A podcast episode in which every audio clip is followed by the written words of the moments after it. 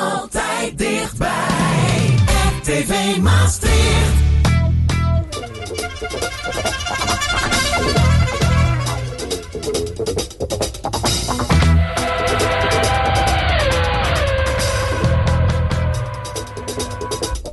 Dit is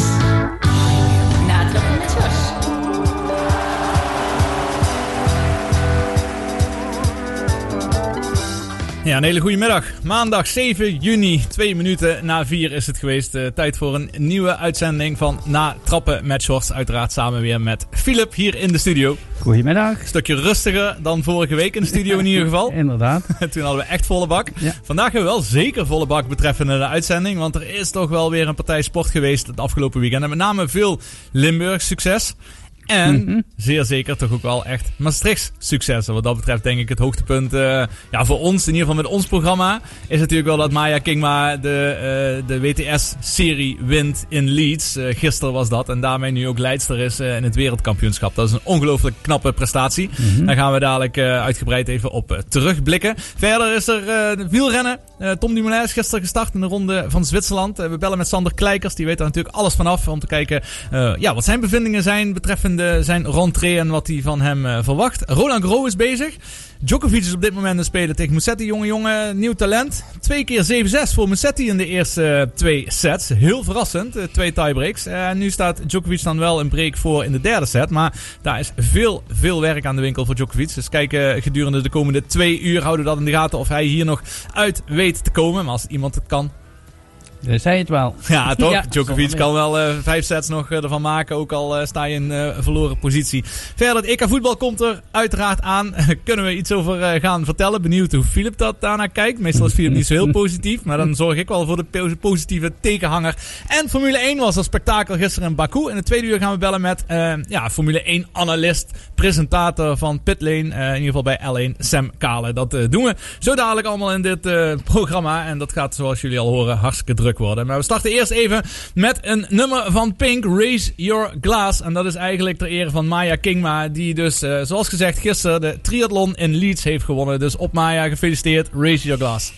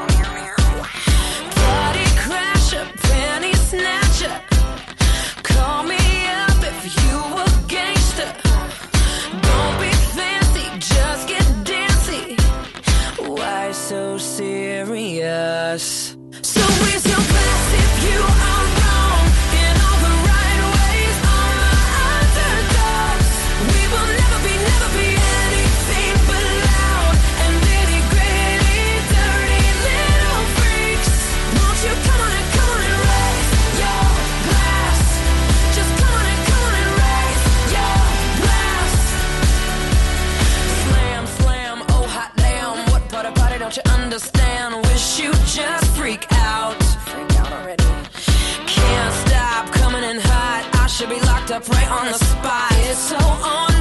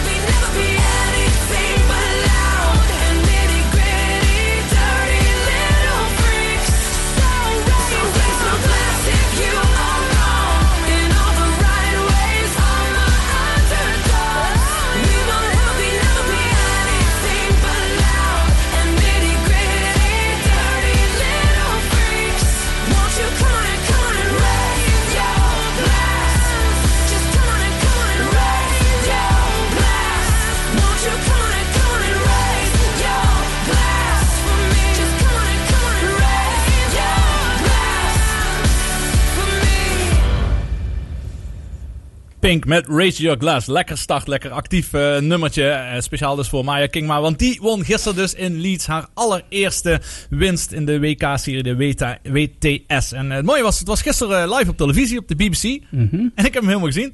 Goed. Want voor mij de eerste keer dat ik een volledige triathlonwedstrijd live op tv heb gevolgd. Van eigenlijk van begin tot einde. En het is natuurlijk zeer de moeite waard. Zeker ja, als je iemand kent die eraan meedoet. En En, zeker, dan...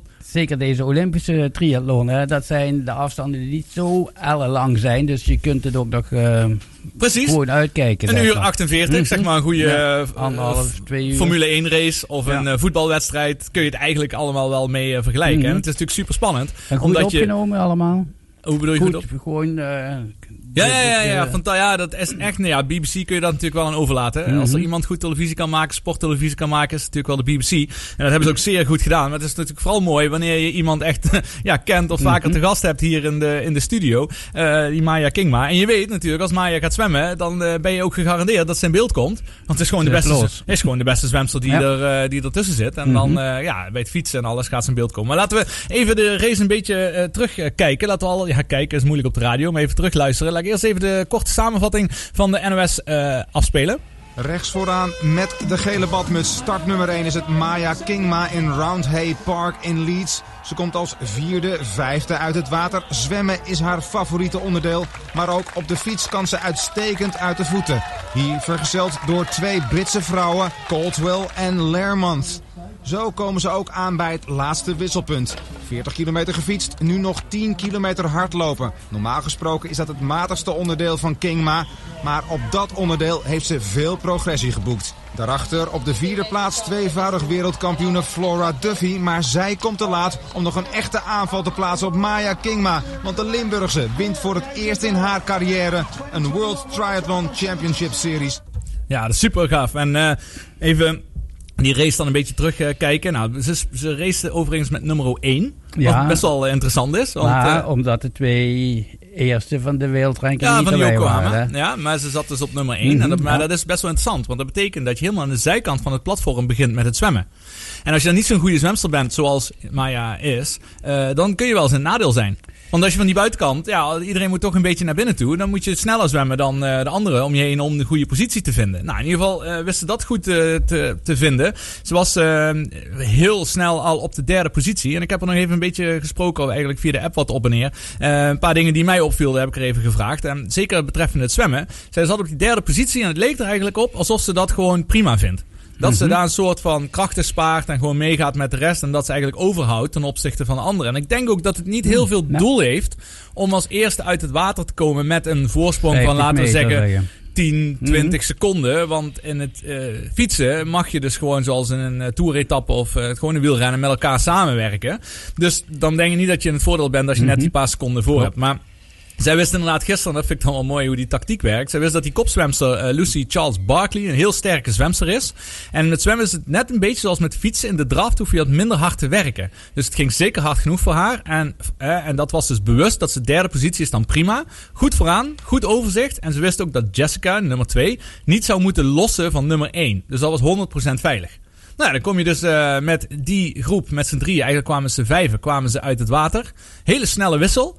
Daar heb je misschien wel een beetje voordeel als je nummer 1 hebt. Want je rent wat verder door en uh, je bent op die fiets meteen, uh, meteen vertrokken. Want je moet dat hele wisselstuk mag je natuurlijk niet fietsen. Helemaal achteraan. Nee, ze stond helemaal achteraan. Mm. Maar je mag niet op de fiets stappen.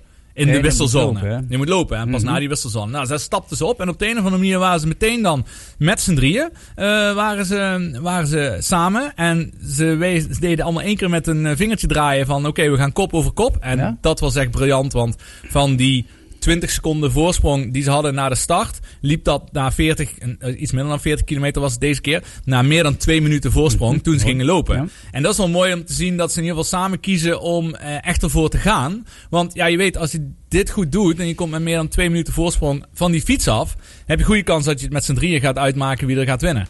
10 kilometer is dat, hè? 10 kilometer lopen, inderdaad. Ja. En dat was dus uh, natuurlijk wel gaaf. Maar ja, toen had ze nog uh, twee uh, Britse dames bij zich, waaronder Coldwell. En Coldwell, die had in Yokohama maar liefst twee minuten, bijna twee minuten sneller gerend dan Maya had gerend. Dus ik vroeg mm -hmm. haar ook van, ja, was je daarvan bewust dat zij was natuurlijk wel eigenlijk een beetje favoriet op voorhand hè, tijdens het lopen. Om, ja, als je zo'n goede renster bent. Maar dat vind ik ook wel grappig, dat Maya had gezegd, Of zei tegen me dat ze eh, eh, in Yokohama had Maya met z'n tweeën op kop gereden.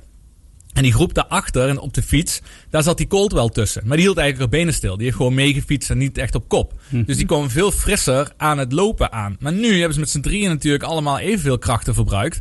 En toen gingen ze rennen. En toen zag ze op een gegeven moment dat die eh, Flora Duffy, wat je net ook in het verslag van de NOS hoorde. Die, die heeft eh, de laatste vijf jaar is echt de allerbeste. Tien keer een WTS gewonnen. eh, twee keer wereldkampioen geworden, et cetera. Die kwam steeds wat dichterbij. Eh, dat kon Maya zien, omdat je heel veel punten hebt waar je echt draait. En dat je natuurlijk je achtervolgers eh, tegemoet loopt.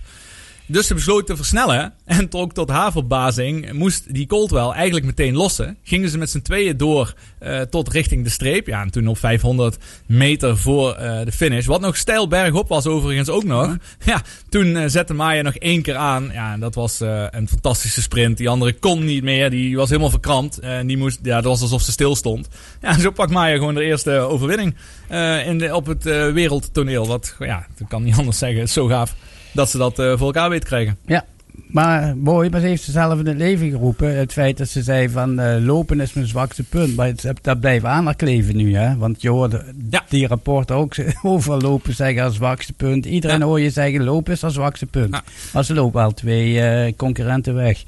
Ja, Dus- zeker. Maar ja, hij hij heeft grote stappen gemaakt. Wat goede Mhm. woordspeling trouwens, als je het overlopen hebt. Maar eh, nee, maar ik denk dat wat, wat Maya zelf ook hier toen zei, dat heeft ook last van blessures gehad hè, met Ja, lopen, met met, de knie.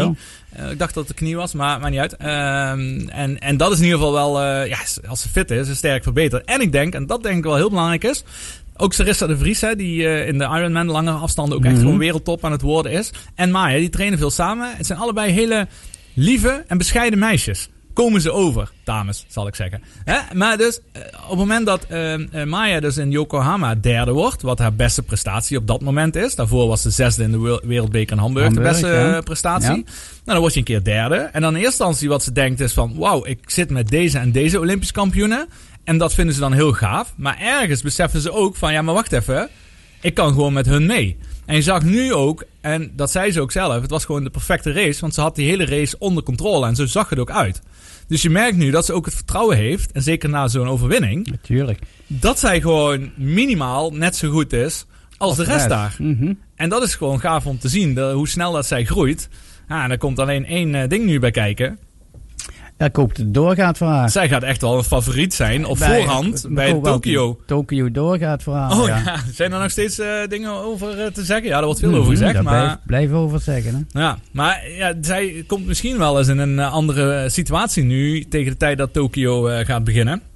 Is dat er ook naar haar gekeken wordt. Aan complotten gesmeden worden tegen haar. Nou ja, je weet Ja, hoe gevaarlijk en hoe ja. goed dat ze nu is. Mhm. En dat is ook zo. In het begin, als je iemand zo nie- nieuw aan het komen is, dan ja, Ja. kijken er nog niet. Zo zijn de grote namen die naar elkaar Mhm. kijken enzovoort. Maar daar hoort ze nu gewoon te- bij. Ja. Ze wordt En- derde en nu eerste. En we, daar moeten we voor oppassen. Ja, dus kijken wordt- wat we kunnen doen. Zeker weten. Dus dat wordt heel interessant hè, hoe, dat, eh, hoe dat gaat zijn. Eh, dat gaat, eh, ik weet niet wanneer precies de, de, de, de triathlon eh, wordt, wordt gelopen. In eh, Tokio. Maar als jij me even vol praat, zoek ik Nee, even op. vorige, verleden week, weet je het nog? 27, 27 eh, Ja, de 28 juni is eh, Tom Dumoulin wat dan, eh, wat dan gaat, eh, oh, gaat ja, fietsen. d- dan is Maya 27. Ja, denk je dat dat Nee. de zeven... Nee, geen flauw, geen flauw idee. Nee, daar gaan we ook even nu zo snel niet achter komen. Mhm. Maar dat hoeft ook niet. Want we, gaan, we hebben hier wel genoeg hierover gezegd. Een fantastische prestatie, nogmaals. We gaan even verder naar, eh, muzie- naar muziek van Kensington. Ik kijk ondertussen nog heel eventjes naar Djokovic tegen Musetti. De derde set. Oh, nou, laat ik het anders zeggen. De eerste set duurde een uur en een kwartier. De tweede set duurde ook ruim een uur. Nou, die derde set die heeft misschien nog geen half uur geduurd. Die was 6-1 voor Djokovic. Dus nu zitten ze aan de start van de vierde set. Het is 2-1 voor Musetti in setstanden. Maar de laatste set was dus 6-1 voor Djokovic. Dus eh, de vierde set is ook daar van start gegaan. We komen dadelijk eh, bij jullie terug. Gaan we even contact leggen met Sander Kleikers. Ik ben benieuwd hoe hij kijkt naar de rentree van Tom Dumoulin gisteren. Maar met name hoe hij vooruitkijkt richting die Olympische tijdrit van Tokio.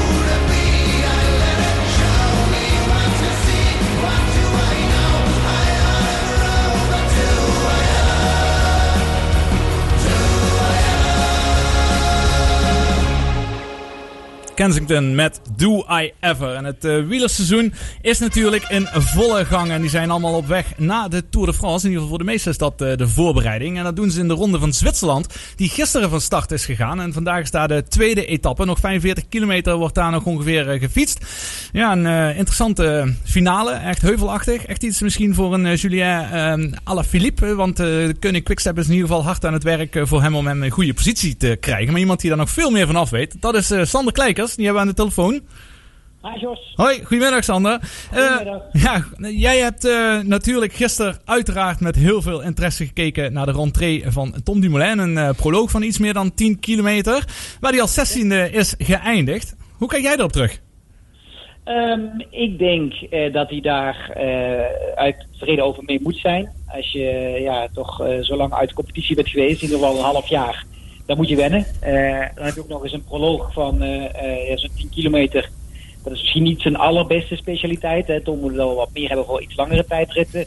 En dan moet hij het ook nog eens afleggen tegen jongens die nu een absolute topvorm zijn. Of zelfs uit de regio komen. Hè, zoals de winnaar eh, Kuhn of uh, die tweede was. Mhm. Die komen allemaal uit de regio. Ja, dan ken je het parcours nog, ook nog eens veel beter. Eh, Tom wordt 16e op, wat was het, 32 seconden.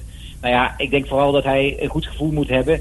En dat zijn echte serieuze tijdmeting voor hem in de tweede tijdrit in deze ronde van Zwitserland zal zijn. Die is wat langer. En dat is eigenlijk veel meer een, een beetje een maatstaf voor waar hij op dit moment staat. Maar goed, dat hij nu niet uh, ja, bij de beste 3, 4, 5 is, ja, dat, dat hadden we van tevoren ook wel ingeschat. Zeker. Uh, die laatste tijdrit is wel een rare tijdrit eigenlijk. Want die begint meteen 10 kilometer bergop. Vervolgens een enorme afdaling met zelfs wat uh, haarspeldbochten erin, voordat het wat vlak wordt. Dus er is ook nog een kans dat hij niet eens op zijn tijdritfiets gaat rijden, omdat het meer een tijdrit is waarop de meeste renners gewoon een normale bergfiets zouden pakken. Zou kunnen, zou kunnen. Dat, dat, dat zijn afwegingen die je moet maken. Tegelijkertijd hebben we het ook dat de tijdrit in Tokio, dat is ook een tijdrit uh, die veel hoogtemeters kent. Dus, uh, en daarvan heeft hij gezegd, uh, dat wil ik toch liefst toch wel op de tijdritfiets rijden. Um, dus je kunt ook zeggen, ja, ik ga het wel doen. En ik ga gewoon proberen op die manier weer uh, extra uh, kilometers te maken bergop in de ja, niet ideale tijdrithouding. Dus het kan ook gewoon een goede, goede training zijn hoor, voor ze. Maar tegelijkertijd, als iedereen op de racefiets zou zitten in plaats van de tijdritfiets, dan is er altijd een hele goede vergelijking van waar je staat in verhouding tot, uh, tot de rest van uh, de absolute specialisten uh, op dat terrein. Mm -hmm. Dus ik denk dat hij ja, gisteren het gewoon een beetje naar behoren heeft gedaan. niet slecht, niet supergoed. en nu deze week in de peloton weer een beetje ritme moet zien te krijgen. Om eens in die tijdrit te kijken van ja, waar sta je? En dan heb je volgende week natuurlijk nog het, het NK, hè, waar je er, ja. nog een keer wil staan. En dan, dan weet je nog beter hoe je ervoor staat. Ja. De reden dat hij zijn rentree juist in Zwitserland maakt, heeft dat te maken ermee dat er twee tijdritten in zitten? Ja, één korte ja. soort proloog, of is daar een andere reden? Nee, absoluut. Uh, twee tijdritten is een ideale uh, voorbereiding voor iemand die eigenlijk alleen maar dit jaar op tijdritten focust. Want Tom heeft een planning gemaakt tot te spelen. En daar zitten alleen maar twee tijdritten in Zwitserland in. En vervolgens een NK in. En dan gaat hij nog een keer verder trainen tot aan Tokio. Ja. Dus ja, dan, dan kun je beter in, in Zwitserland rijden dan in Dauphiné. Ja, misschien nog een verplichte wegwedstrijd in Tokio ook nog. maar ik weet niet eens Ja, of hij die, ja, gaat dan uit, of die dan ook die gaat uitfietsen. Maar hij moet in ieder geval starten, hè? Ja, hij moet zeker starten. Ja. En, en je gaat ja, uitfietsen, dat hangt er een beetje af van het koersverloop. Maar ze rijden allemaal in dienst van uh, Bauke Mollema in Tokio. Uh, die daar uh, de Mhm. uitgesproken kopman is. Ja. Maar daar zal de Max Tom wel ook gewoon ook heel goed gaan gaan rijden. Ook omdat het vaak goed is om, eh, om die wedstrijd nog eens eh, eh, in Ja. te gaan. Toch wel lekkere wedstrijdkilometers in je benen. Ja, dus wat ik zei in het begin al, de meeste renners die zijn dus op weg naar de Tour de France. Nou, eh, Tom Dumoulin kijkt dus niet naar Tour de France, maar die kijkt eigenlijk een maand verder, hè, naar, op 28 juli, waar die tijdrit eh, is. Ehm, er is veel te doen en er wordt veel gezegd natuurlijk over Tom Dumoulin. Wat mij een beetje opvalt, is dat er twee kampen zijn. Hè? De ene kamp zegt het is onmogelijk wat hij wilt doen na zo'n pauze. Want zo'n Filippo Ganna of een Cavagna of Rowan Dennis, ja, die mannen hebben zoveel meer wedstrijdritme. Ehm, en dat kan Tom na zo'n lange break niet meer inhalen. Maar de andere kant wat ik ook hoor, is dat er ook gezegd wordt, nou, als die mannen, zoals zo'n Ganna, uit de Tour komt, en die hebben al zoveel verbruikt en al zo'n lang seizoen erop zitten, kan Tom ook echt in het voordeel zijn, omdat hij heel specifiek naar één tijdrit toe gaat werken en daardoor misschien ook juist een grotere kanshebber is. En welke kant sta jij van dit verhaal? Of zie jij nog een ander scenario? Eh, wat denk je? Ik zit natuurlijk ook in het optimistenkant. ja, ik ook, maar... Ja. Nee, zeker. Zoals ik, ik, ben, eh, ik, ik geloof wel eh, dat het kan.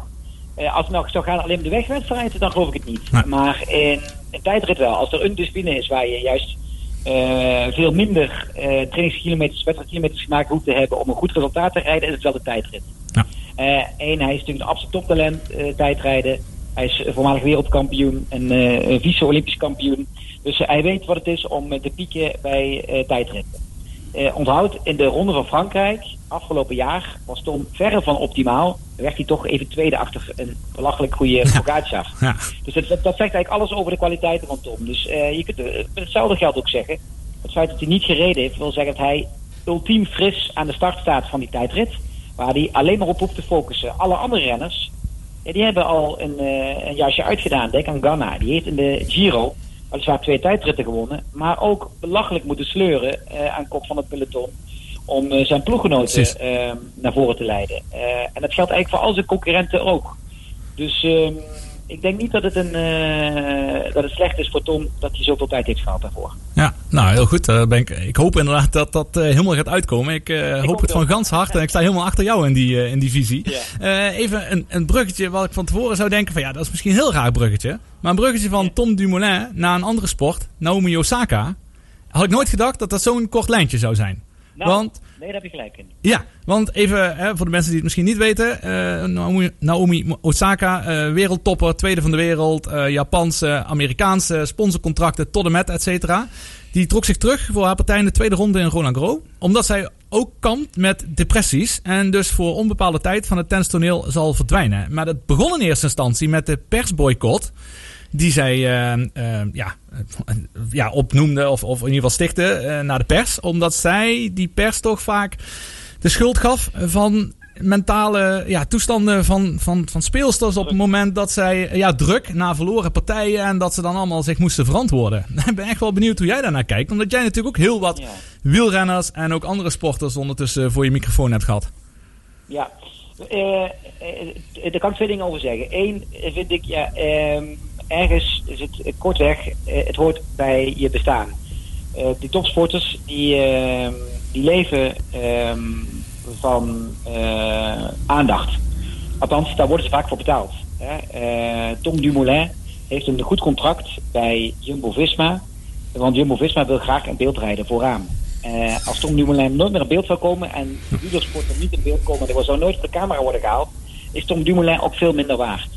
Dus het is voor een deel ook gewoon zijn brood om je te melden bij de media. Eh, en hoe meer media, des te meer aandacht, des te populairder de sport, des te meer geld ook een sporter waard wordt. Dus het is uiteindelijk gewoon die boterham. Eh, twee, ik snap wel goed dat sporters eh, last hebben van druk en stress. En de journalistiek mag zichzelf ook vaak in de spiegel kijken door eens kritisch te kijken, wat zeggen wij hier nu eigenlijk? Bijvoorbeeld, Remco Evenepoel, jonge talentvolle Belgische wielrenner, start in de Giro. Nadat hij negen maanden lang niet heeft kunnen Ja. fietsen. Omdat hij eh, nou, bijna zijn halve rechterkant had gebroken. Ja. Eh, wat zeggen ze in België? Remco Evenepoel, daar sturen we een half leger en journalisten naartoe in Italië. Want die gaat de Giro winnen. En die jongen is 21. Met andere woorden, ja, de druk is natuurlijk zo belachelijk groot. Die jongen kon alleen maar verliezen. En dan mag je ook als journalistiek even goed nadenken van wat doen we nou eigenlijk ook hier eh, professionele sporten aan. Dat gaat gewoon even niet. Ja. Dus eh, daardoor ehm, vind, ik, eh, de, vind ik Osaka wel te, te begrijpen.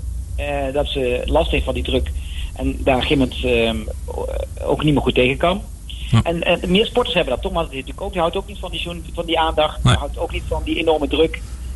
En wat andere sporters zeggen, die zeggen ja, je, wel, vroeger hadden we dat ook. Alleen toen zeiden we, ik heb een knieblessure, ik ga er drie maanden uit om eens te herstellen, om los te komen daarvan. Ja. En tegenwoordig zeggen gewoon eerlijk, ik kan er gewoon even niet meer goed tegen. En Dat is eigenlijk heel menselijk. Dus je zegt eigenlijk, het is heel menselijk dat ze even eruit stapt. Maar dan moet, ze moet wel de to- total package meenemen. En niet proberen om zeg maar, de pers links te laten liggen. En zich alleen maar op het tennis te focussen. Want dat kan gewoon niet meer in deze tijd. Nee, dat kan niet. Dat Ja. kan gewoon niet. Eh, en, en, en dat weet ze maar altijd goed. En, en, en, en, en uiteindelijk moeten ze daar wel wat begeleiding in zoeken, zodat ze daar wat beter mee om leert gaan. Hm. Ehm, maar eh, ja, je, kunt, je kunt nooit meer zeggen, eh, sorry media, maar met jullie praat ik niet. Ja, dat gaat niet. Ja, te veel geld eh, wat daarmee gemoeid is. Precies wat je, hoe, je het, hoe je het uitlegt inderdaad. Dat klopt. Ja. Ja, dankjewel Sander. Weer voor je perfecte toelichting op, op alles en je mening. Eh, jij hebt zelfs net drie weken de Giro achter de rug. Hè? Kop over kop gepresenteerd na Ja. iedere etappe direct. Ehm, ga je weer zoiets doen tijdens de Tour? Of hoe ziet jouw komende weken eruit?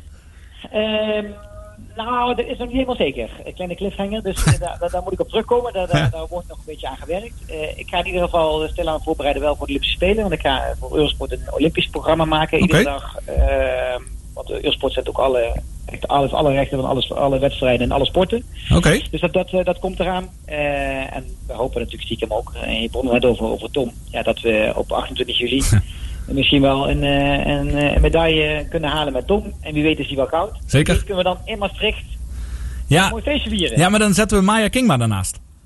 Oh, dat zou... daar ben ik net mee begonnen, hè, de uitzending. Omdat zij gisteren eh, de World Triathlon Ja? Series in Leeds heeft gewonnen. En zij is nu eerst in, de- in de stand in het wereldkampioenschap. Ik zie haar ook echt serieus een goede prestatie daar leveren. Dan zouden we twee Maastrichtse eh, inwoners daar op het podium hebben.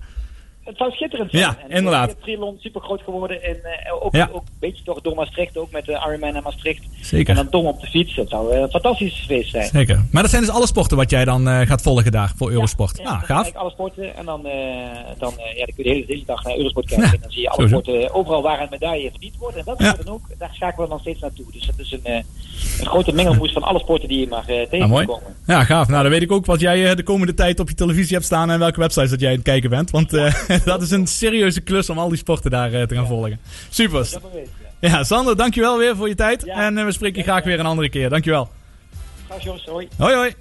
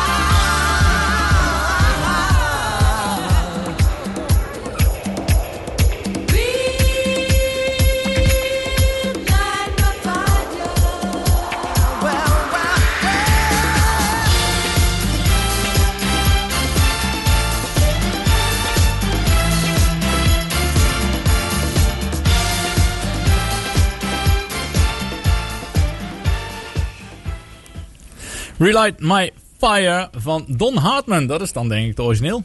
Philip. Dat zal wel. Ja, want er zijn best wel veel versies van Relight My My Fire. Ik weet eentje ja. van Take That zelfs nog. En volgens mij is er ook nog een andere eh, die redelijk eh, bekend is. Maar ik zou niet weten. Maar ik denk dat eh, dit de origineel is, hè? Maar daar heb je Mhm, verder niks over te vertellen over Don Hartman.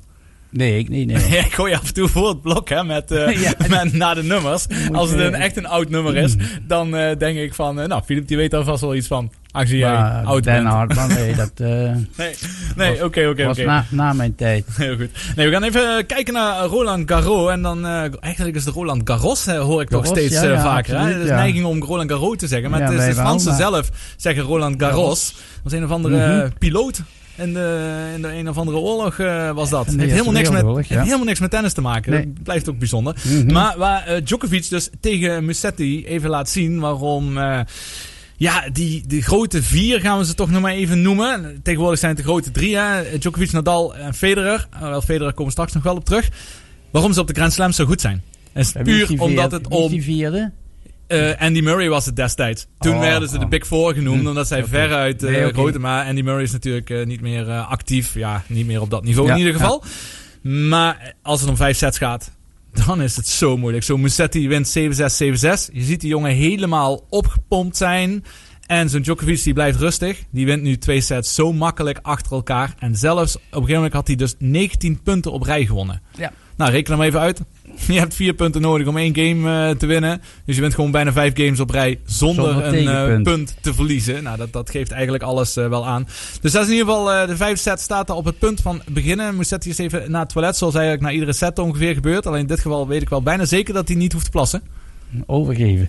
Dat hij even, eh, even zijn, eh, zijn gedachten even op een rijtje moet, eh, moet krijgen. Eh Djokovic is op de baan gebleven en is een afwachting van die vijfde set. Dus die gaan we zeker volgen.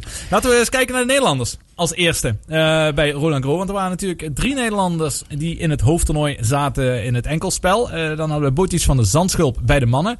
Die was een knappe vijf sets overwinning eh, te boeken in de eerste ronde. Maar ja, helaas voor hem verloor hij ook in de tweede ronde in vijf sets. Hij zat echt veel meer in. De eerste set stond hij 3-1, 4, eh, 4-1 voor. Tweede set stond hij voor, die verloor hij. En het grappige is dan in de derde set stond hij juist dezelfde cijfers achter. En die won die. Vierde set wint hij ook. En dan verliest hij uiteindelijk net in de, de vijfde set, wat gewoon heel erg eh, sneu is.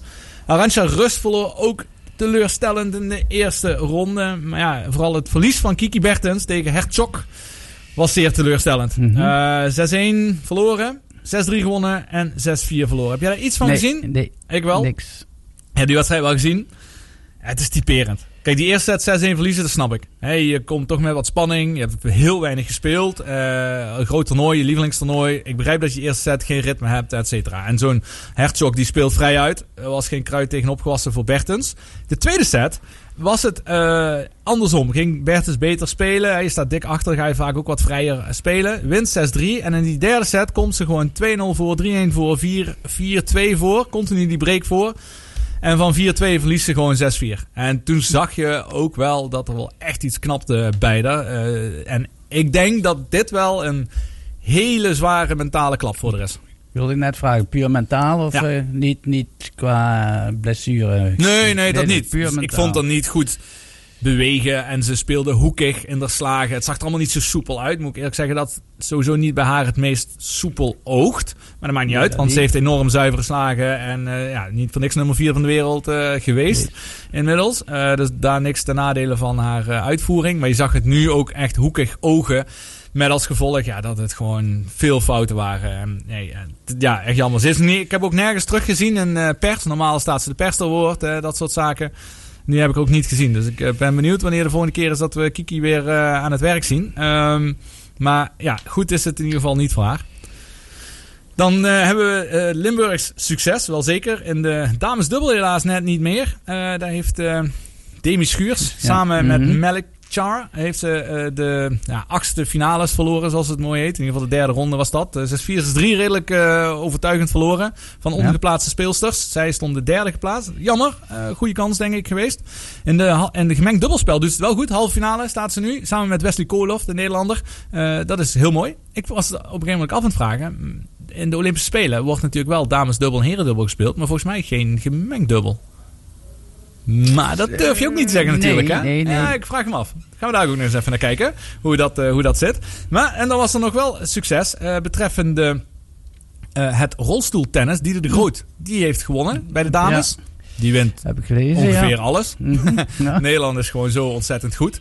En eh, Sam Schreuder, natuurlijk Limburger, heeft weer de finale gehaald. Eh, waar hij helaas vandaag weer verloren heeft van Dylan Elcott, de Australiër, die natuurlijk Alles alles, wint. wint. tot en Ja. met. Alleen, Mhm. eh, ja, eh, Schreuder heeft één keer US Open gewonnen van Elcott, won hij in de finale. Ja. Eh, waar in Australië nog 6-1, 6-0 was voor Elcott, was het nu in ieder geval eh, wel wat dichter bij elkaar. 6-4, 6-2. Dus eh, dat is op zich een goed resultaat van Sam. Ik heb vandaag even contact gehad met zijn coach Joop Broens. Mhm. Maar die is onderweg naar Nice. Die zit acht uur in de auto. Wellicht Ja. dat we hem nog kunnen bellen. Maar dat is geen zekerheidje. Maar hoe dan ook is het toch wel een goed resultaat wel voor Limburgse Absoluut. tennissers. Absoluut, absoluut. Hè, Sam Mhm, ja. en een Demi Schuurs toch echt op het wereld, in het podium wat ze staan, eh, doen ze toch gewoon hartstikke, hartstikke goed. Ja. Mhm. Ja, dat is denk ik eh, betreffende Nederlanders. In tweede uur gaan we echt nog wel even verder kijken betreffende Roland Garros eh, bij de, ja, hoe zullen we het noemen, de heren en de dames op het eh, allerhoogste niveau. Want daar gebeurt natuurlijk genoeg. Terwijl eh, Djokovic een serieuze blaar op zijn eh, rechterwijsvinger heeft. Die wordt even ingespoten en gaat daar nieuwe tape overheen krijgen. Djokovic won dus de laatste twee sets met 6-1 en 6-0 maar liefst. En we zitten nu nog steeds in de eerste game van de vijfde set. Slechts 15-0 is het. En Djokovic heeft eh, dus nu even wat behandeling nodig aan die blaar op die rechterwijsvinger. Geen fijne plek hè? om een Nee, eh, blaar niet. te hebben. Typisch, dat zij nog altijd blaren krijgen, hè? Ja. Die Ja. hand die zou toch helemaal vereeld Ja, moeten zijn, hè? Ja, en veel spelers hebben ook wel wat tape. Zo'n Mhm, Nadal die heeft natuurlijk Nadal altijd tape om zijn ja. vingers om die blaren te voorkomen. Maar deze ja, die ziet er eh, best wel eh, lelijk uit. Fijn dat ze hem ook zo inzoomen op eh, de televisie. nou, dit, eh, nog iets anders natuurlijk wat eraan eh, zit te komen. Eh, over een week zelfs al begint het EK. Ja. Jongen, jongen, dat gaat ontzettend snel? Lang naar Mhm. uitgekeken. Zeven jaar is het geleden dat Nederland zich voor het laatst gekwalificeerd had voor een eindtoernooi. Maar volgende week eh, gaat het dan eindelijk beginnen. En eh Philip is een van die 16 miljoen bondscoaches eh, die Nederland rijk is. En dus luisteren hoe hij kijkt naar de voorbereiding van Nederlands elftal.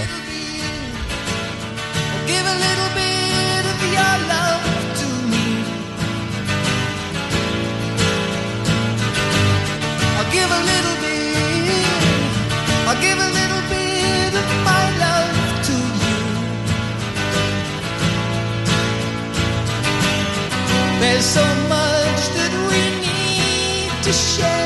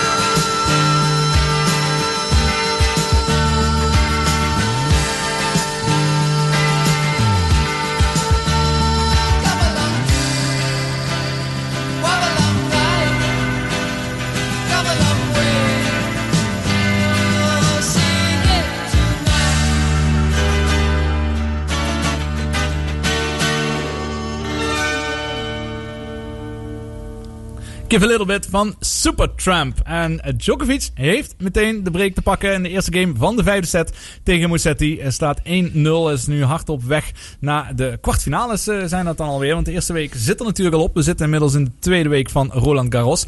En in de ronde van Zwitserland is ongeveer nog een 30 kilometer te fietsen. Waarbij eh, de koerssituatie is dat er een kopgroep is van Boli en Imhoff. Daarachter zitten vijf, op 25 seconden daarvan zit Dalcin en Tsukowski. Wie kent ze niet? En eh, twee minuten daarachter zit het peloton. Dus met 30 kilometer te fietsen en eh, een peloton op 2,5 minuut. Is er natuurlijk nog helemaal niks beslist. Eh, dus ook dat gaan we in de gaten houden. Ik moet het via een live blog doen, want omdat het nergens uitgezonden wordt op de televisie. Alleen eh, Sander Kleikers die heeft daar toegang toe. Want de Eurosport Player, daar is het blijkbaar wel op te zien. En als je voor Eurosport werkt, neem ik aan dat je ook wel een accountje krijgt om op, eh, om op daarop te kijken. Maar goed, we gaan het even hebben over het voetbal. Het EK. We zijn hard op weg in de aanloop. Deze week speelde Oranje twee oefenwedstrijden. Eentje tegen Schotland. 2-2 is dat geworden. Ik zou bijna zeggen op wonderbaarlijke wijze dat het nog 2-2 werd. En gisteren was het dan eh, de uitzwaaiwedstrijd tegen Georgië. Een 3-0 overwinning voor Oranje. Nou, als je puur zegt gelijkspel en een overwinning, dan denk je van nou, goed zo. Ze hebben niet verloren, ze zijn aan het winnen. Maar of dat ook zo is, dat durf ik niet eh, helemaal te zeggen. Want er zijn nog wel wat discussies die op dit moment eh, gevoerd worden. Laten we dan als eerste beginnen met het systeem. Iedereen heeft wel iets te zeggen over het systeem. Philip, brand los. het is mijn systeem niet, nee. Het is, ehm, is niet voetbal waar, waar, waar ik voor sta. Het is... En- eh, Waarom? nou, we hebben een systeem waar nu eh, Memphis centraal staat. En men wil alle, kost wat kost, alle ballen inleveren bij Memphis. Maar Memphis is geen Messi, dus eh, je schiet er heel weinig mee op. Ik erger me aan als ik een linksbuiten en een rechtsbuiten eh, vrij zie staan met, met een, een, een optrek van 50, 50 meter waar niemand anders is, maar die krijgt de bal niet. Want hij moet naar het midden. Hij komt in het midden, gaat weer terug. Mijn voetbal is, is twee buitenspelers en een, een, een spits, een koppende spits. Nu heeft die Weghorst... Dus dan opteer je voor een 4-3-3 systeem Ja. met Weghorst in de spits. Of Onder met de. Baai in de spits. Want Nee, dat is, nee, hij nee, wil nee, in een 4-3-3 moet- graag in de spits staan, Memphis. Ik zie Memphis, ja, dat wil hij zelf Ja. wel, maar ik zie hem liever een beetje achter, achter die spits zitten. Mhm. Een, een, eh, een, aanvallende middenvelder, zeg maar. Nou, dat is Het dat. spel, spel, Wijnaldum. Vroeger heette dat spelverdelen. Ja. eh, eh, Ja, oké. Wijnaldum heeft andere kwaliteit, heeft meer verdedigende kwaliteit. Ik kan ook wel eh, opbouwen, ja. maar zo zie ik het het liefste. Pak een, een Weghorst, die heeft, staat bekend dat hij de laatste twee, drie jaar enorm veel energie heeft gestoken in, in kopballen. eh, in, zijn, in zijn ploeg. Hij speelde in Nederland zelf tot hem tot hij moet. Volgens de opinie eh, moest de boer meenemen. Maar hij krijgt geen bal. Geen aanspeelbare bal voor zijn speeltype. Mhm. Die man die heeft zich eh, wezenloos gewerkt twee wedstrijden lang. Maar hij heeft één, aangespeelde bal gekregen. Waar hij ook gewoon een doelpunt uit maakte. Nou, dat is wel iets wat me inderdaad eh, opviel. eh, dat hij kreeg één keer die kans, Mhm. maar dan maakt hij wel meteen een spitsgoal. Ja. Dat was overtuigend Dus eh, meteen Ik ingeschoten. had de tweede wedstrijd had ik de indruk dat ze zeggen van laat Weghorst meedoen. Want dat moet voor de pu- publieke opinie. Eh, Maar geef hem geen bal, dan kan ik hem de volgende keer eh ernaast laten staan. nee, maar eh, dit is niet mijn voetbal. Als je daar, ik heb even de Nederland jeugd onder de 21, Nederland-Duitsland gezien. Als je Mhm. ziet die Ja. Duitsers, die komen Ja, dat is hoor. fantastisch. Maar die, die Duitsers spelen gewoon iedereen wat vrij speelt, Ja. staat, krijgt de bal. En dan maar blijven in beweging. Nederlands elftal staat, tien van de elf spelers staan stil. Ja. En, en voor als ze een bal krijgen. Die, Du- die Duitsers die spelen naar voren. Ook twee, drie keer naar achter als het niet anders kan. Maar de vrije speler de bal geven en bewegen blijven. Dat is voetbal voor mij. Wat mij vooral zorgen baart is dan nog misschien nog niet eens zozeer die aanval. eh, want daar hebben we wel heel goede spelers zitten. Maar het feit dat ook een eh, Georgië eigenlijk gewoon na zijn eerste helft eh, met 3-1 had kunnen voorstaan. Dat je Mhm. toch tegen Georgië, maar ook tegen Schotland zo makkelijk kansen weggeeft. En dan denk ik dat het wel een goede keuze is geweest om eh, Stekelenburg eh, te laten keepen. Want die haalden er eigenlijk wel zeker één of twee meteen uit in de eerste helft. Die Mhm. eh er echt in hadden kunnen gaan. En daar vond ik eh, Krul toch wat minder sterk tegen Schotland. Eh, met zijn lange lichaam kwam hij toch niet in die verre hoek. En eh Stekelenburg maakt wel een goede, goede indruk, eh, vind ik daarin.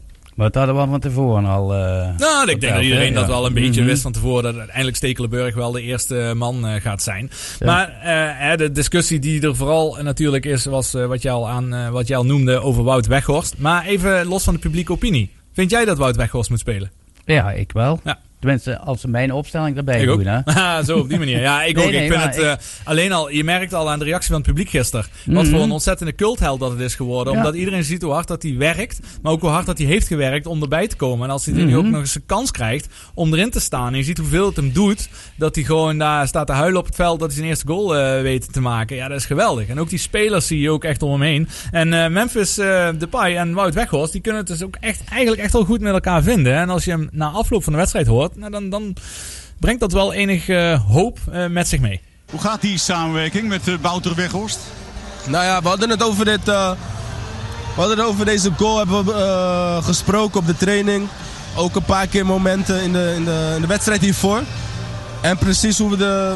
Ja, wat we in ons hoofd hadden, dat lukte vandaag. Fantastische paas van Frenkie op het juiste moment. In een kleine ruimte zijn loopactie. En eh, hij, ja, blijf voor hem, hij jankt hem eh, goed binnen. en eh, daarna jankte hij volgens mij ook. nee. Begrijp nee, je dat? Ja, hè? Nee, Wout eh, en ik zijn sowieso, hebben we vaak eh, contact buiten het voetbal. En eh, ik ben trots op hem en ik hoop dat hij het zo door kan pakken. Je ziet dat, eh, dat hij heel Nederland achter zich heeft. dus hij moet het laten zien, denk ik. Er is veel concurrentie. Er is veel concurrentie. Je ziet de spelers die invallen, die laten het ook zien. Die creëren gevaar voorin.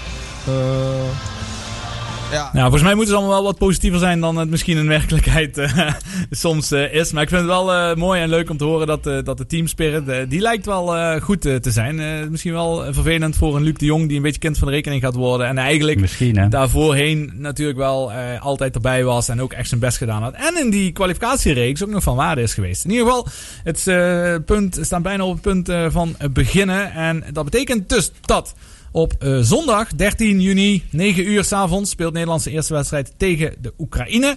Vervolgens wordt op donderdag de 17e, de week erop, gespeeld tegen Oostenrijk, ook om 9 uur. En dan maandag 21, direct na onze uitzending, eh, tegen Noord-Macedonië. En dan, eh, ja, dan zit de poolfase erop. En dan gaan we kijken hoe Nederland eh ervoor staat. En dan al heel even snel door die pools lopen in die laatste minuut voor het, voor het nieuws. Ehm, pool 1, Italië, Zwitserland, Turkije, Wales. Zeg maar, Philip, wie komt daar eh, het beste uit? Italië, Ja, dan groep B, België, Denemarken, Finland, Rusland. België. Groep C, Oostenrijk, Nederland, Noord-Macedonië, Oekraïne.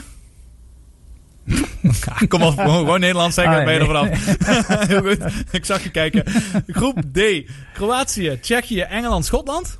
Engeland-Schotland, leuke wedstrijd. Ja, oeh, dat is heel moeilijk. Ja, ja sterke Eén- pool, sterke pool. Eén van de vier. Ja, sterke pool. Groep E, Polen, Slowakije, Spanje, Zweden. Spanje. Ja, en dan laatste, dat is ook geen misselijke, Frankrijk, Duitsland, Portugal en Hongarije. dat is er eentje, hè? Het zou Frankrijk moeten zijn ja, dan, maar hè? Duitsland vind ik ook wel heel Ja, erg goed. Nou, Allemaal, ja. lekker speculeren dit. eh, maar wel een mooie wedstrijd om naar uit te kijken. Vrijdag gaat dat beginnen. Tot in het tweede uur.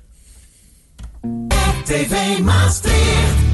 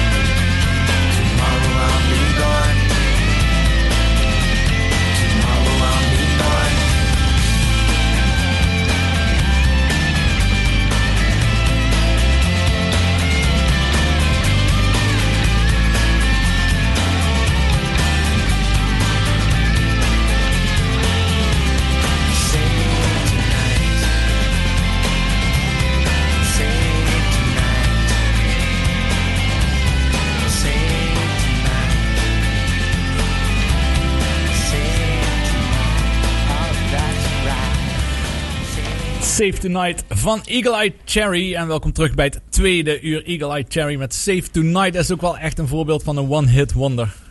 Mhm. echt super fijn nummer. Eh, maar van Eagle Eye Cherry hebben we nooit meer iets eh, gehoord. Broer Nee. van Nene Cherry. En die was alweer bekend eh, van Seven Seconds. Samen met Youssou en Doer. Ook. Mhm. een wereldhit geweest. Ook nooit meer iets van gehoord eigenlijk. en eh, ja, zo zijn er wel meer. Maar ja, ik Die denk... programma je- mee vullen, ja. Precies, maar als je maar één keer echt die hit te pakken hebt, dan eh, ja, hoef je ook de rest van het leven niet zo heel veel meer te doen. We zitten in de sport en Djokovic, die hebben we natuurlijk al de hele tijd gevolgd. En opeens is het afgelopen. Djokovic eh, wint van eh Musetti. In de derde set was het 4-0 voor Djokovic. En opeens gaf eh, Musetti op. Dan denk ik van ja, ben dan een vent. En slepen het einde eruit, Ja. ja. Ja. Staat 3,5 uur op de baan. Je wint de eerste twee sets in een tiebreak met fantastisch tennis. Vervolgens ga je 6-1, 6-0, 4-0 eh, ga je eronder door. Dan Maar- denk ik, ja, dan kun je ook nog die laatste twee games ook nog spelen. Maar heb je dat moment gezien? Misschien heeft die jongen wel een been gebroken. ja, dat, Dat had hij volgens mij na 7-6 in de tweede set. Had hij die eh, al, eh, volgens mij, licht Nee, eh, maar spier, dat heb je- eh, een breuk erin zitten. maar heb je niet gezien? Nee, nee, nee. Ik zag opeens op het scherm dat, dat ze het veld afliep. En Djokovic weer zijn standaard afscheid aan het nemen was Mhm. van het publiek. En dan ondertussen de andere livesport eh, wat bezig is. Dat is eh, de Ronde van Zwitserland. Eh, daar zijn nog maar 14 kilometer te fietsen. Dat is een flinke beklimming. Eindigen ze mee. Een beklimming die is eh 635 meter. Maar wel een... eh, nee, hoogteverschil. Het is 2,4 kilometer. Een stijgingspercentage gemiddeld van 8,2 procent. En die koplopers... Wie waren dat ook alweer? Imhoff. Die heeft nog maar een hele kleine voorsprong. 35 seconden had hij eh, in ieder geval zojuist. Vijf minuten geleden had hij nog maar 35 seconden eh, op het peloton. Waarbij Mathieu van der Poel wel heel erg goed zit. En Mathieu van der Poel heeft al gezegd van ja, zijn gedachte zit vooral op de mountainbike. Ehm, en hij doet mee aan de Ronde van Zwitserland natuurlijk om wat te trainen. En wellicht een eh, etappe te pakken. Nou, het zou niet raar zijn als hij vandaag in ieder geval een gooi daarna doet. Want de laatste klim is inmiddels vertrokken. Maar Imhoff houdt het nog vol. Heeft ongeveer 40 seconden, dus hij is wel iets eh, uitgelopen weer. Dat doet hij heel goed. Maar eh, Mathieu van der Poel, net als Alaphilippe en Hirschi, die eh, zitten er heel goed, goed voor. En Woods, die is ook wel een bekende naam geworden dit jaar. Die is geen Tiger. die zit ook nog goed erbij. dus er kan van alles kan daar nog gaan gebeuren. Een hoop is er natuurlijk al gebeurd, weer het afgelopen weekend in de overige sport. Eh eerst Maastrichtenaar Robin Freins, eh, bekend van de Formule E. Die heeft even een uitstapje gemaakt naar de 24 uur races. En eh, wel die op de Nuremberg-ring. Alleen in plaats van 24 uur zat het er na drie uur al op. Want na twee stints van Robin Freins zelf was het zijn teamgenoot, de Belg Dries van Toor, die zijn auto de vangrail in stuurde. Ja, dan is het over, ja, dan hoef je de andere 21 uur eh, niet meer te racen. Dan kun je wat extra slaap eh, pakken, helaas eh, voor hem. Heb je iets van de Dauphiné gezien, Philip? Vind ik wel altijd een mooie koers. Nee, daar heb ik toevallig, waarom weet ik ook niet, vrij weinig van gezien. Ja, ik ook niet heel veel. Het was in ieder geval Richie Port die Mhm. wint. Nou, en Richie Port, daar komt hij weer. Waar rijdt hij voor? Idios. Ja, Ineos. Die zijn echt Ja. zo sterk seizoen aan het Ja. fietsen. Ongelooflijk. Ehm, overigens was wel heel eh, knap van eh, Wilco Kelderman. Die is vierde geworden op 33 seconden. Achter Lutsenko, die tweede was. En Geraint Thomas, ook van Ineos. Die maakte het podium compleet op de derde plek. Mhm. Ja, dus weer twee eh, rijders van Ineos wat daar fantastisch doen. En goed te zien dat Wilco Kelderman vierde is geworden in die etappekoers. Daar toch een mooie etappekoers. Mooi. Ja. Ja, ja. Thomas Pitcock blijft een beetje in het wielrennen.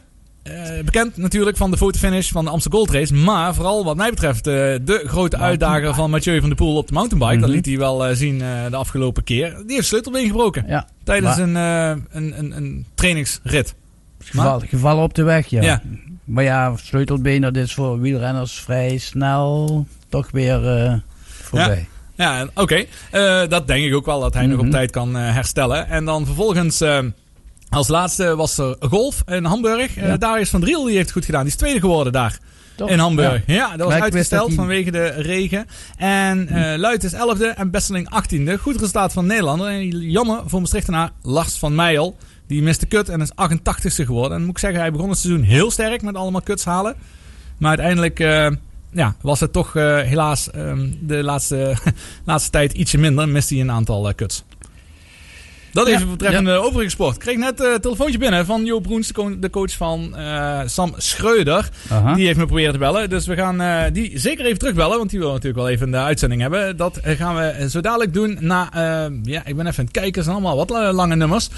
In ieder geval Alive and Kicking. Nee, we gaan eerst Under the Bridge draaien van de Red Hot Chili Peppers. Altijd ook een heel fijn plaatje. En dan komen we daarna bij je terug. Wellicht wel met Joop Broens. Horen hoe het, de finale is vergaan daar op Roland Garros.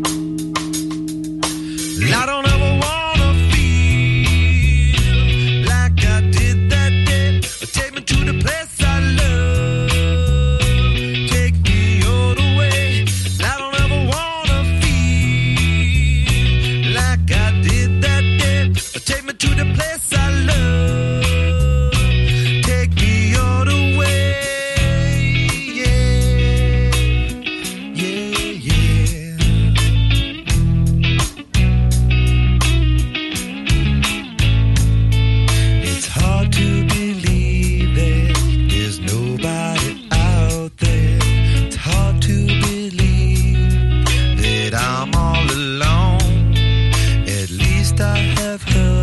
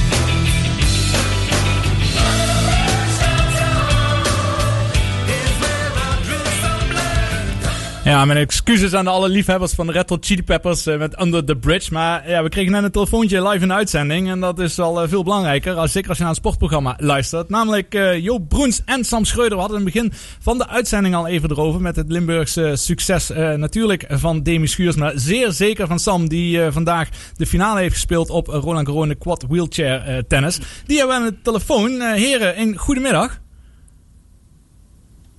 Oh, dat zou mooi zijn als ze ook dan ook daadwerkelijk aan de telefoon nog, eh, nog steeds zijn. Ehm, moet even kijken of we die kunnen eh, terughalen.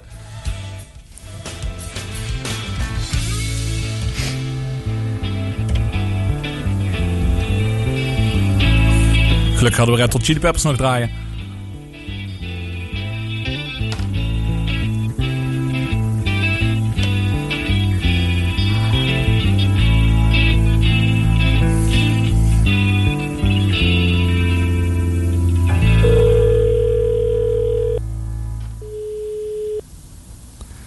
Ja, de telefoon gaat over, nu is het echt live radio, natuurlijk.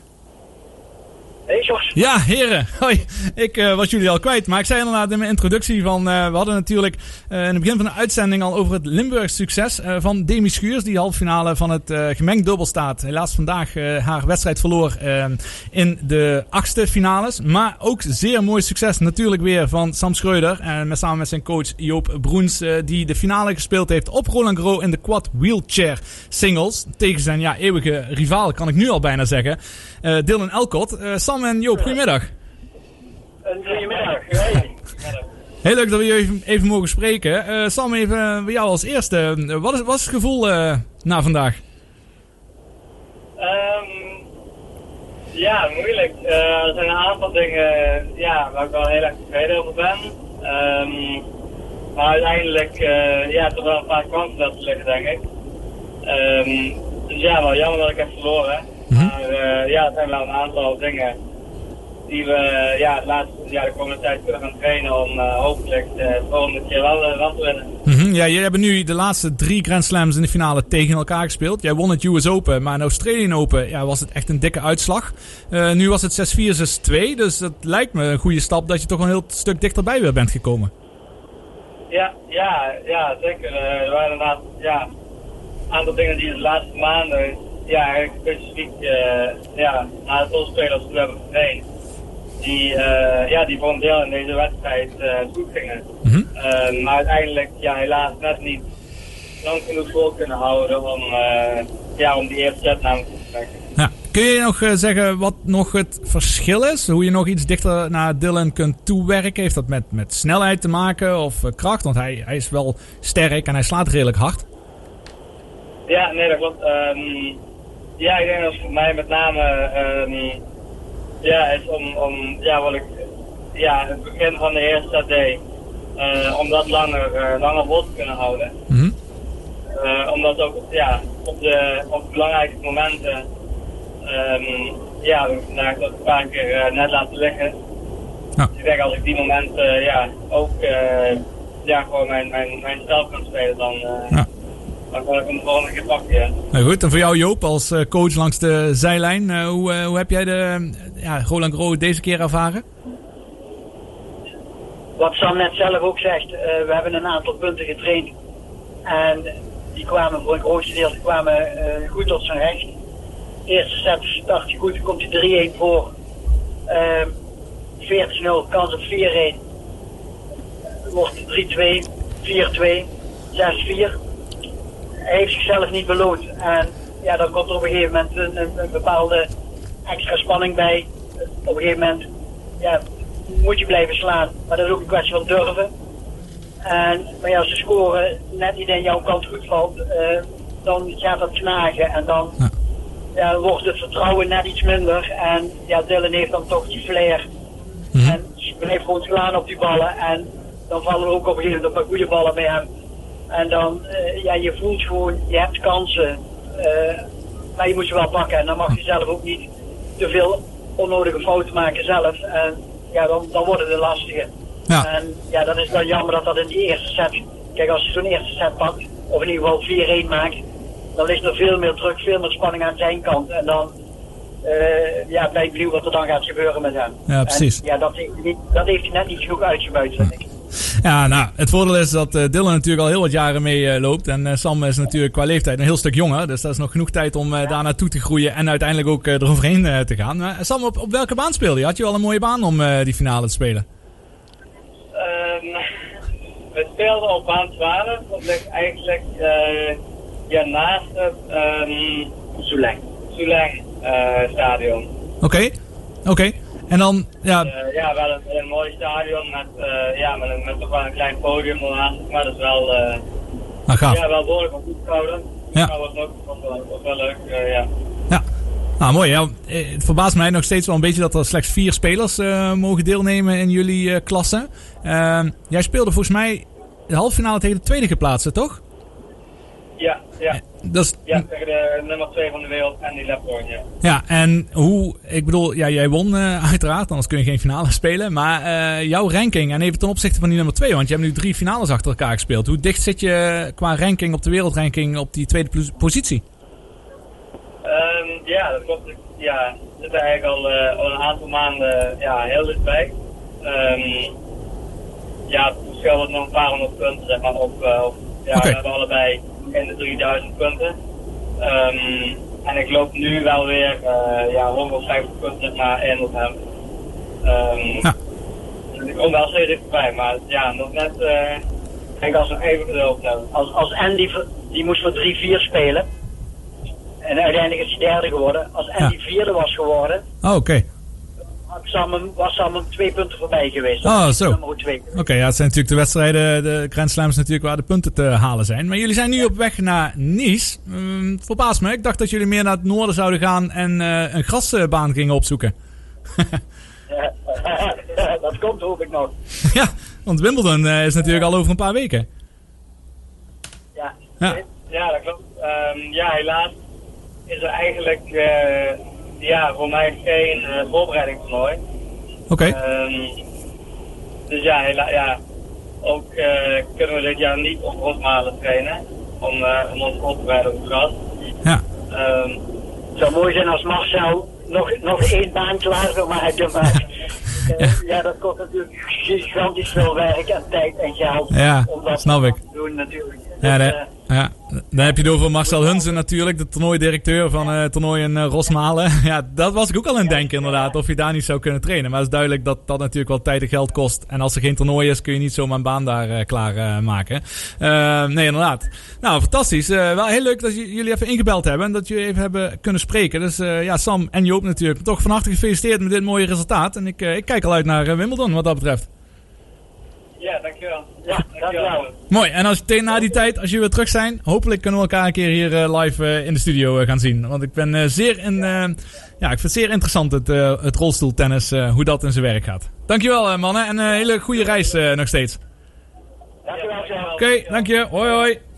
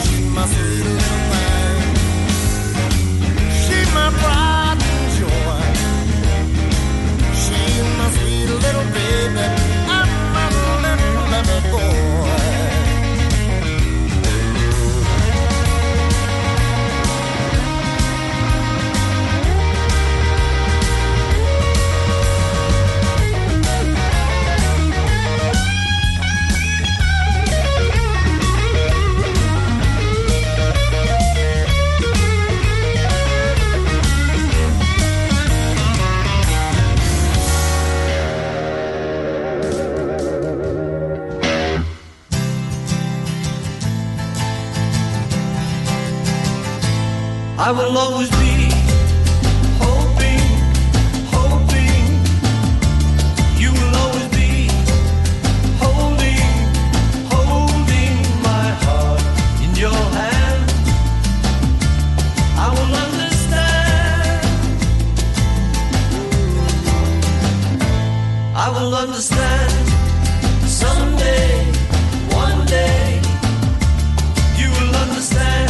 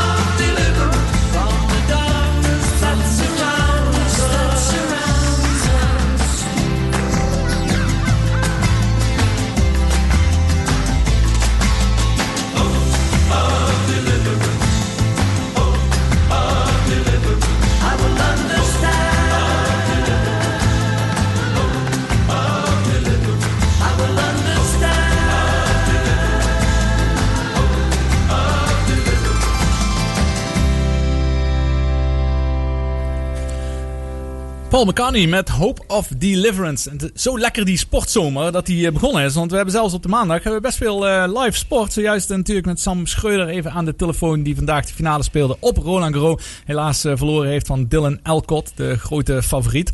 Op Roland Garros is nu net begonnen Nadal tegen Yannick Sinner. Dat is een hele mooie wedstrijd om te kijken. Twee hele goede gravelspelers. Nadal natuurlijk de allerbeste gravelspeler. En zojuist is de etappe van de ronde van Zwitserland, de tweede etappe, geëindigd. Met overwinning voor Mathieu van der Poel. Super knap natuurlijk. En hij had er al een beetje, was er al een beetje op aan het hinten vanochtend eh, dat zijn hoofd bij de Olympische Spelen op de mountainbike eh, zitten. Niet zozeer eh, bij de Tour de France. Maar dat hij wel ging proberen om een ritzege te pakken in de Ronde van Zwitserland. En dan de eerste beste kans heeft hij dat meteen gepakt. En dat is natuurlijk super knap. En gisteren was dan het wellicht voor de meeste mensen het allergrootste sportnieuws uiteraard weer. De Formule 1. En iemand die daar alles vanaf weet, dat is natuurlijk Sam Kalen van L1. Die we al vaker even mogen spreken hier in de uitzending. Sam, een goedemiddag. Goedemiddag. Lekker hè dat eh, al die sport eh, zo bezig is. Oh, ja, je weet niet waar je moet kijken. Ja. Ik ga er moet nog beginnen, hè. Dat, dat begint vrijdag pas. Precies. Ja, dus, Ja. eh, ja, ik, ik vind het heerlijk. Ja, want ik wilde jou eigenlijk al vragen. Ja, jij zit eh, de afgelopen weken zat je vooral op de voetbaltribunes. In de keukenkampioen-divisie of eh, de eredivisie bij VVV of Fortuna. Ehm, nu is het vooral ja, eh, F1 eh, waar ik je veel zie. Maar waar ben je nog meer druk mee bezig? Nou, komende week relatief weinig, want er zit ook wel af en toe een vrijweekje tussen. Gelukkig. Ja, dat is, dat, is- dat is prima. Nee, ja, het voetbal, ja, dat, dat ligt wel stil. Maar we gaan natuurlijk nieuwsgebeuren krijgen met eh, transfers hè, en een nieuwe trainer bij MVV bijvoorbeeld, Klaas Wels. Ja. Hè, daar gaan we eh interviewtjes mee doen binnenkort. En eh, die transfers komen op gang. Ja, Formule 1, eh, dat, dat is een beetje mijn winkeltje. Ja, dat staat zeker niet stil. Sterker nog, eh, komend weekend er geen race, maar daarna volgens mij drie in vier weken. eh, met twee keer Oostenrijk onder meer. Dus dat, eh, dat is al eh, ruim voldoende wat mij betreft. Zeker. Absoluut. Ja, gisteren was er dus de grote prijs van Baku. En die is voor de eerste keer met een Nederlander aan de leiding van het wereldkampioenschap toen die race begon. Nou, Baku is eigenlijk altijd wel chaos daar in dat stratencircuit. En deze keer was dat zeker ook weer het geval. Dus Sam, mijn vraag eigenlijk.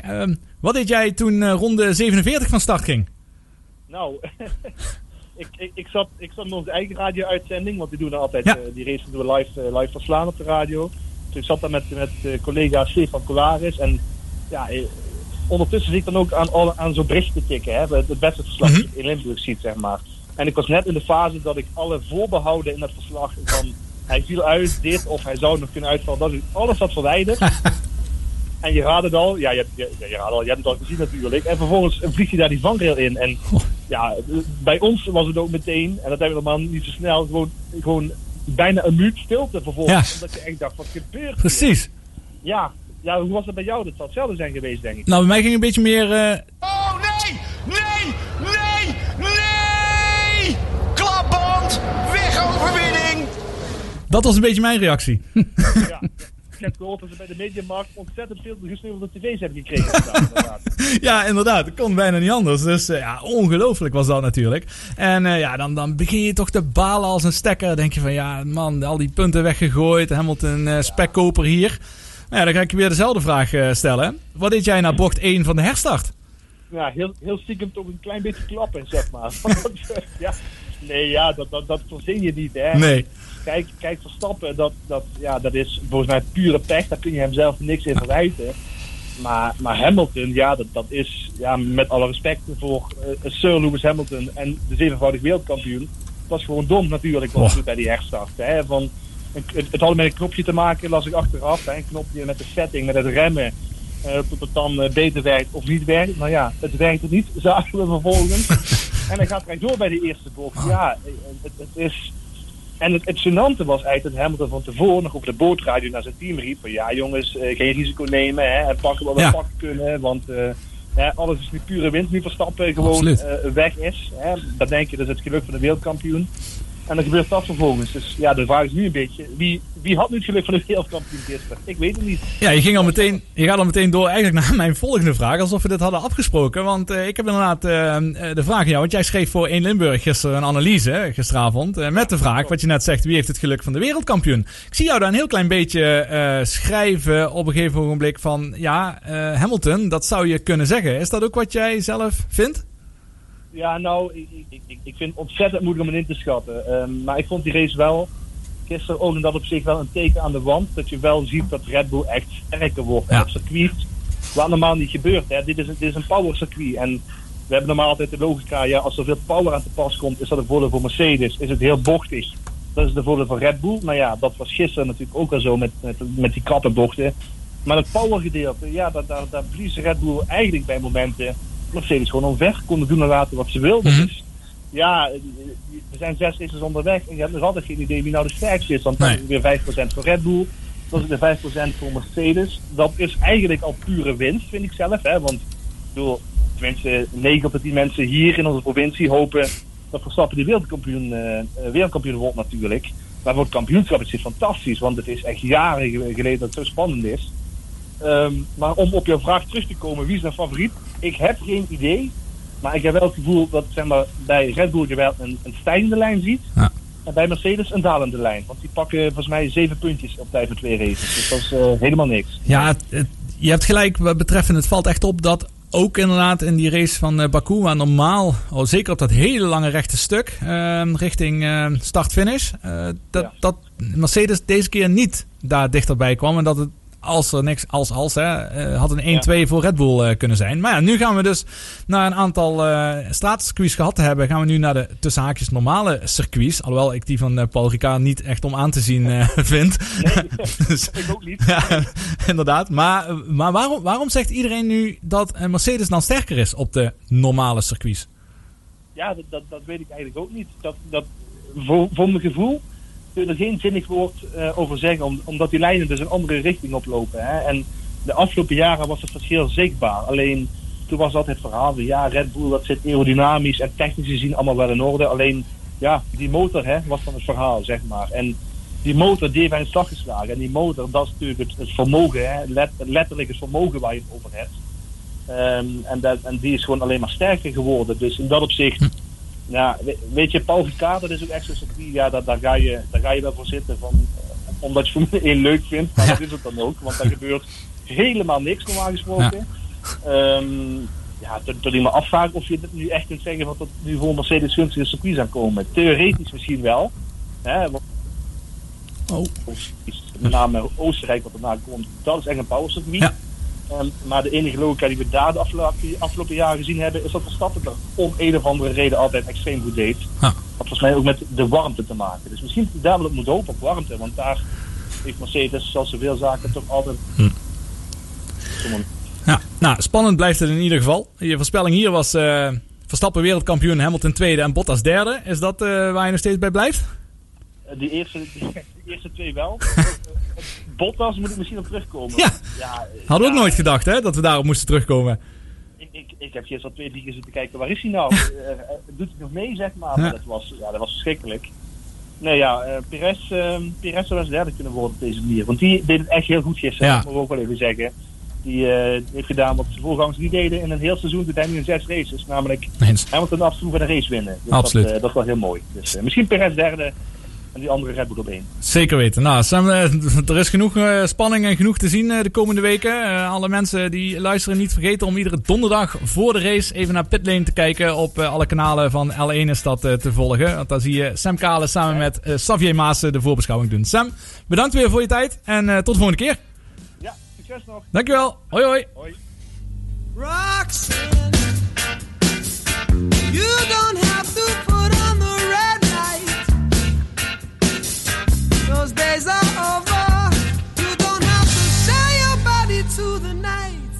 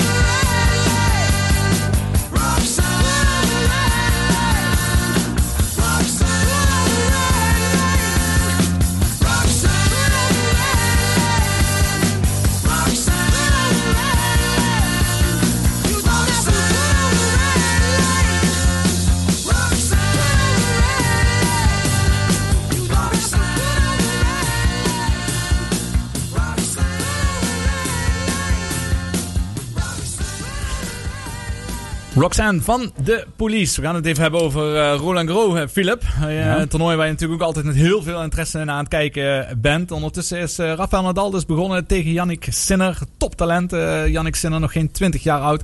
En nu alweer in de achtste finale. En eh, ja, het kan het Nadal echt moeilijk maken. Ik denk aan eh, de wedstrijd op de Australian Open. Die was ook echt fantastisch eh, eh, laat. Maar ook heel hoog niveau waar Yannick Sinner echt goed mee kon met Nadal. Maar de start van Nadal is sterk. Die staat 2-0 voor.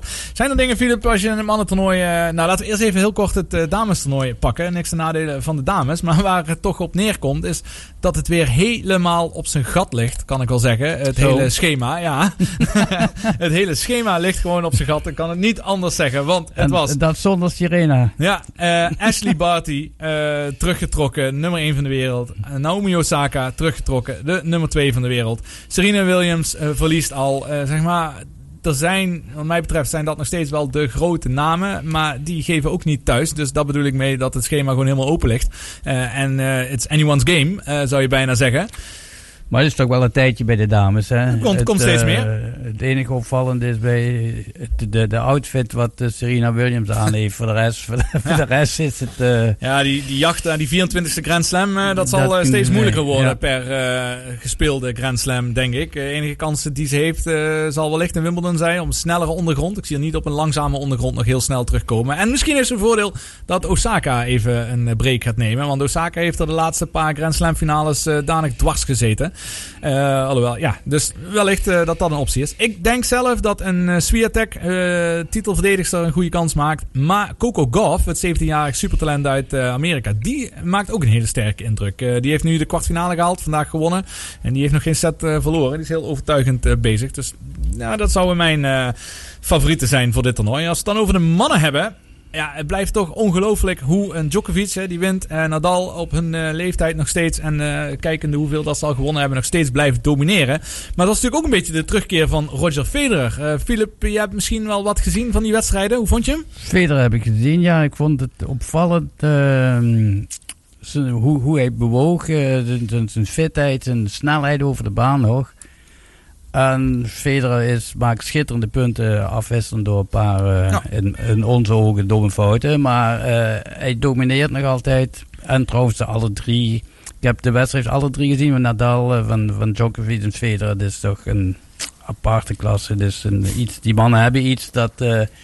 ja, dat kun je niet leren, dat heb je. En, en daar tip voorlopig nog niemand aan. Ja, het is fantastisch inderdaad eh, wat zij doen. Ehm, ik vond Federer beter dan ik had verwacht. Hij bewoog inderdaad beter. En die fouten wat hij dan maakt. Ik denk ook, hij, hij speelt natuurlijk met voorbereiding op Wimbledon. Dus hij probeert alles snel te spelen. En hij gaat niet achter die ballen aanrennen op gravel. Dat moet hij ook zeker niet gaan doen.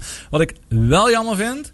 Is dat hij wint natuurlijk van die Kupfer in die hele late wedstrijd in Mhm. eh, vier sets. En dat hij eigenlijk meteen na de wedstrijd al een soort van aangeeft dat hij gewoon zich ging terugtrekken. Vind Ja. ik niet heel chic. Nee, dat klopt. Maar dat komt ook wel vaker voor. Eh, met tennis vind ik ook. Dat eh, je gewoon naar een hele zware wedstrijd. Waar je tegenstander nip verloren Ja. heeft. En jij zegt daarna van ja, ik doe niet meer mee. Ja, vind dat, ik. eh, nee, dat doe je. Misschien, misschien heeft tegen, tegen eh, Djokovic die jongen dat ook gedaan. Hij denkt van stop, stop maar dan. ik zou het niet weten. Maar ik, ik, ik begrijp Federer wel dat hij eh, Ja, natuurlijk maar- zijn pijlen richt op eh, Wimbledon. Want heeft hij gewoon meer kans dan op Roland Garros. Maar dat je dan een wedstrijd Ja. zo eruit sleept, wint. ja, en ook nog goed spel vertoont. En dan meteen eigenlijk zegt van, nou, ik speel niet meer verder. Nou, dat, dat vind ik in, eh, van de weinige keren dat ik denk van, ja, Roger, dat had je wellicht wat, eh, wat beter, eh, beter ik vond er wel tijdens de wedstrijd waren geen vriendjes van elkaar. Hè? Ja, dat weet ik niet. Ja, Ja. die, ik vond die Kupfer wel- was Mhm. best wel irritant, hè? Irritant, ja. Hij ja, was veel dus, aan eh, het mekkeren, schreeuwen. Ja, en dan in een troosteloze setting zonder publiek. Dat is Mhm. toch jammer, hè? Zit die primetime wedstrijden, die zetten ze natuurlijk s'avonds voor het Ja, grote ja. televisiepubliek. Maar door de avondklok zit er niemand. Ja. Een beetje raar is dat, dat, dat, dat beeld. Nee, dat, eh heb je nog iets zeggen over eh, Roland Garros? Of eh wachten het gewoon af en we volgende week... af wat, wat gaat komen. en volgende week gaan we het over de ontknoping hebben. Nou, we skippen even naar onze lokale helden. Ja, want MVV, daar is eigenlijk altijd wel wat om eh, te doen. En eh, ook al zitten ze nu inmiddels in de zomerstop. Ze zijn hard bezig eh, met nieuwe contracten te verlengen en in ieder geval spelers te zoeken. Zo hebben de beide heren, het zijn geen broers, maar de beide heren Zegers, Tim en Rico, allebei hun Mhm. contract verlengd. Er zijn ook weer nieuwe spelers aangetrokken. Maar wat mij vooral opvalt, is dat ehm, ehm, de, de PR-machine van MVV, die zijn gigantisch goed bezig. Dat waren ze al zeker betreffende eh, hun eh, Twitter-account. Dat begon landelijke bekendheid te krijgen, omdat daar gewoon met veel humor eh, wordt gedaan. Nu heeft Sven Blummel, die heeft alle seizoenskaarthouders een, een, een, een voicemailbericht ingesproken.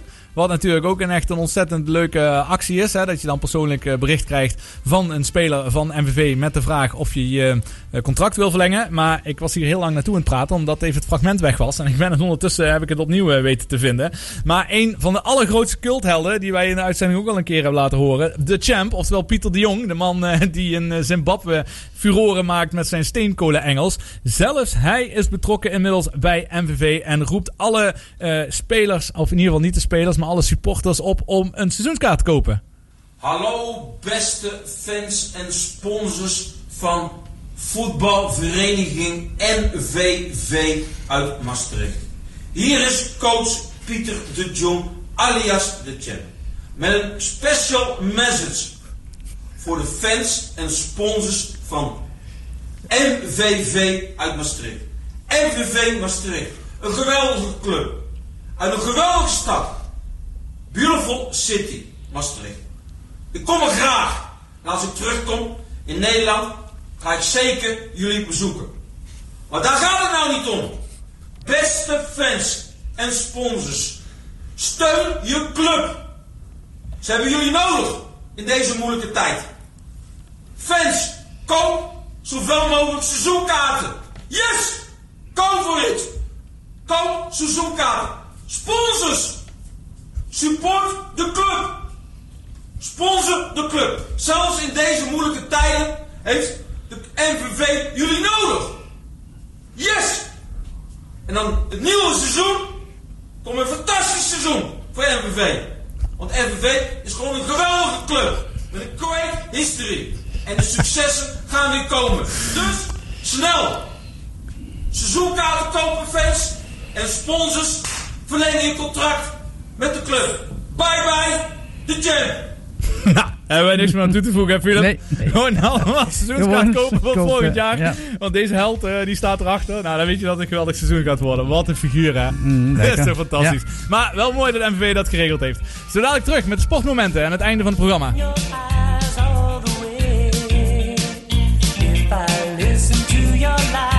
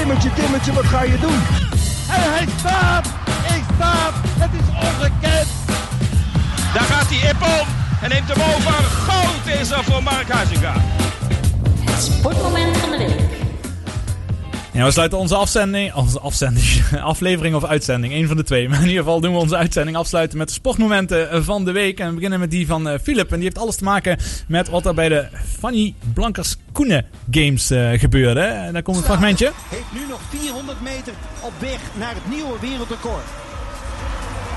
Als opmaat naar de Olympische Spelen is dit natuurlijk fantastisch. De sprint is ingezet. En hier komt dus het nieuwe wereldrecord aan voor Sivan Hassan. Het zesde wereldrecord in de historie van de Fanny Blankers Koen Games. Sivan Hassan zet hier iets fantastisch neer. Een fabuleus wereldrecord. 29.06.84. Het is echt ongekend. Ja, Philip, Sifan Hassan. 10.000 meter.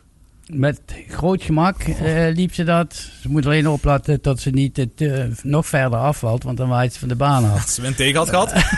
Ja. Maar ik bedoel even de Fanny Blanke Schoen Game. is atletiek natuurlijk. Mhm. Met als hoogtepunten die, die Hassan. En ik vond er ook een duidelijk hoogtepunt eh, de Duplantis. Een polstok hoogspringer die met twee vingers in zijn neus over zes meter springt.